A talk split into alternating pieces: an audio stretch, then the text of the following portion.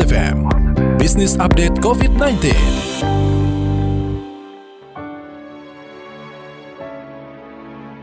Mitra bisnis, COVID-19 memporak-porandakan tatanan bisnis yang ada. Selain kesehatan, dampak terhadap ekonomi dan kehidupan sosial bermasyarakat berubah drastis. Pelaku usaha mengencangkan ikat pinggang, bahkan menghadapi dilema PHK atau tidak untuk bertahan hidup.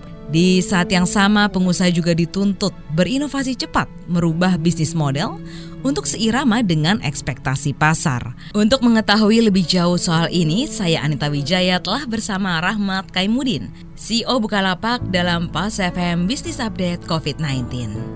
Pak Rahmat, bagaimana dampak corona ini pada bisnis e-commerce? Masalah COVID-19 ini kan memang mempengaruhi semua ya. Pertama-tama dari sisi operasional ya kita juga harus menyesuaikan diri work from home buat hampir semua karyawan kita dan itu tentunya berbeda juga ya. Kemudian logistik juga perlu kita tetap harus jaga kerjasama dengan partner. Kalau dari sisi transaksi sendiri sebenarnya transaksinya memang tumbuh ya walaupun ada shifting. Biasanya kategori-kategori yang orang beli secara online itu uh, seperti elektronik, fashion turun, tapi yang ada beberapa barang atau kategori yang naik, kategori yang berkaitan dengan kesehatan, masker, sanitizer, kayak obat-obatan, jamu-jamuan dan sebagainya itu naik. Kemudian akhir-akhir ini juga kita lihat barang-barang keperluan rumah tangga, groceries, uh, alat-alat kebersihan dan juga barang-barang hobi naik gitu ya. Jadi game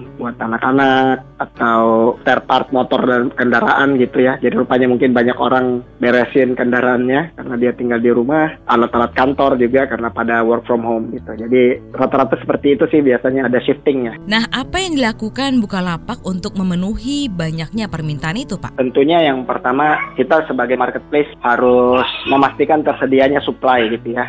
Jadi memang ya kita banyak komunikasi dengan pelapak-pelapak kita, kita juga harus cari ibaratnya selalu cari merchant baru gitu ya dan memastikan memastikan logistik kita itu selalu bisa berjalan. Jadi partner-partner logistik bisa menjalankan tugasnya. Jadi harus kerjasama juga dengan pemerintah daerah setempat tentunya. Yang selain itu kita juga banyak komunikasi dengan merchant-merchant kita ya, pelapak-pelapak kita yang kita lihat mereka juga akhirnya banyak berubah ya, misalnya shifting uh, dagangannya mungkin kita uh, ceritakan apa yang sekarang orang cari biasanya. Lalu bagaimana dengan maraknya penipuan terkait penjualan produk kesehatan? Dengan adanya demand yang melonjak ini, unfortunately ada juga orang-orang yang pihak-pihak yang tidak bertanggung jawab yang coba mengail di air keruh ya. Jadi sebenarnya secara umum ada beberapa hal yang kita lakukan. Yang pertama mengenai penimbunan dan markup gitu ya. Nah, yang itu kita lakukan adalah kita punya algoritma yang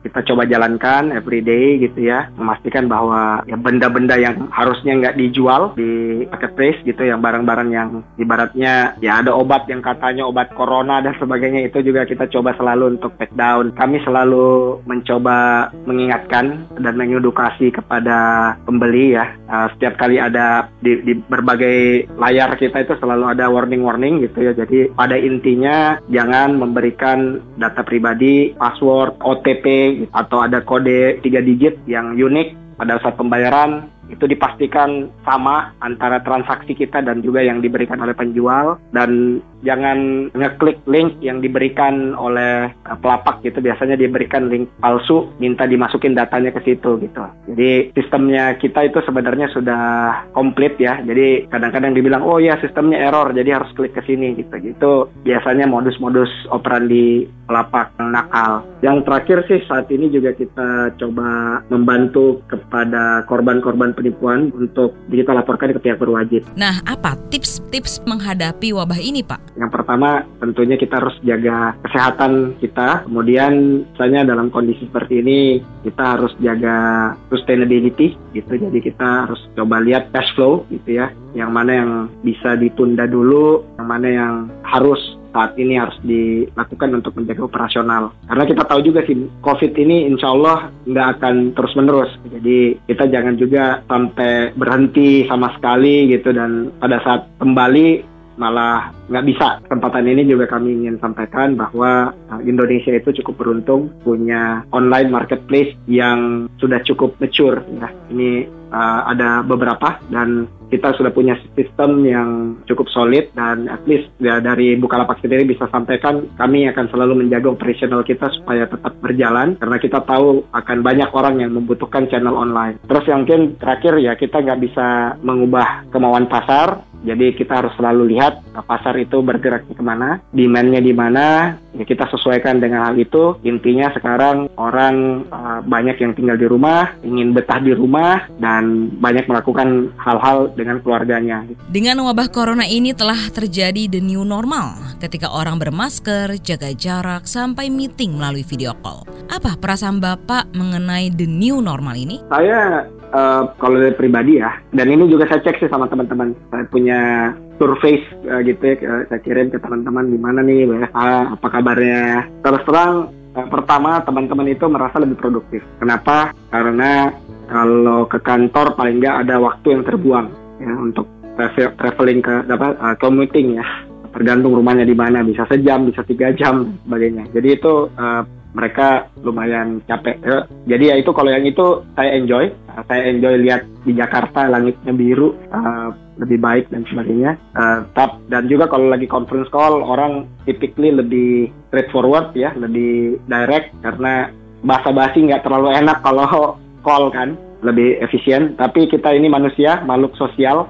Uh, kadang-kadang kalau udah kenal mungkin enak ya untuk call gitu atau video conference. Tapi kalau kita belum kenal, kita baru pertama, kita ingin diskusi lebih dalam, ya tentunya kadang-kadang itu bertemu secara fisik gitu ya, meeting langsung atau makan bareng dan sebagainya itu uh, penting juga gitu. Itu bagian dari kita lah sebagai makhluk sosial. Jadi saya I'm, looking forward itu juga bisa kembali. Saya enjoy, kita bisa hemat waktu dan waktu lebih banyak dengan keluarga. Tapi kalau nggak kalau terpaksa nggak enak juga ya. Kalau kalau bisa jadi opsi gitu ya itu mungkin yang paling cocok.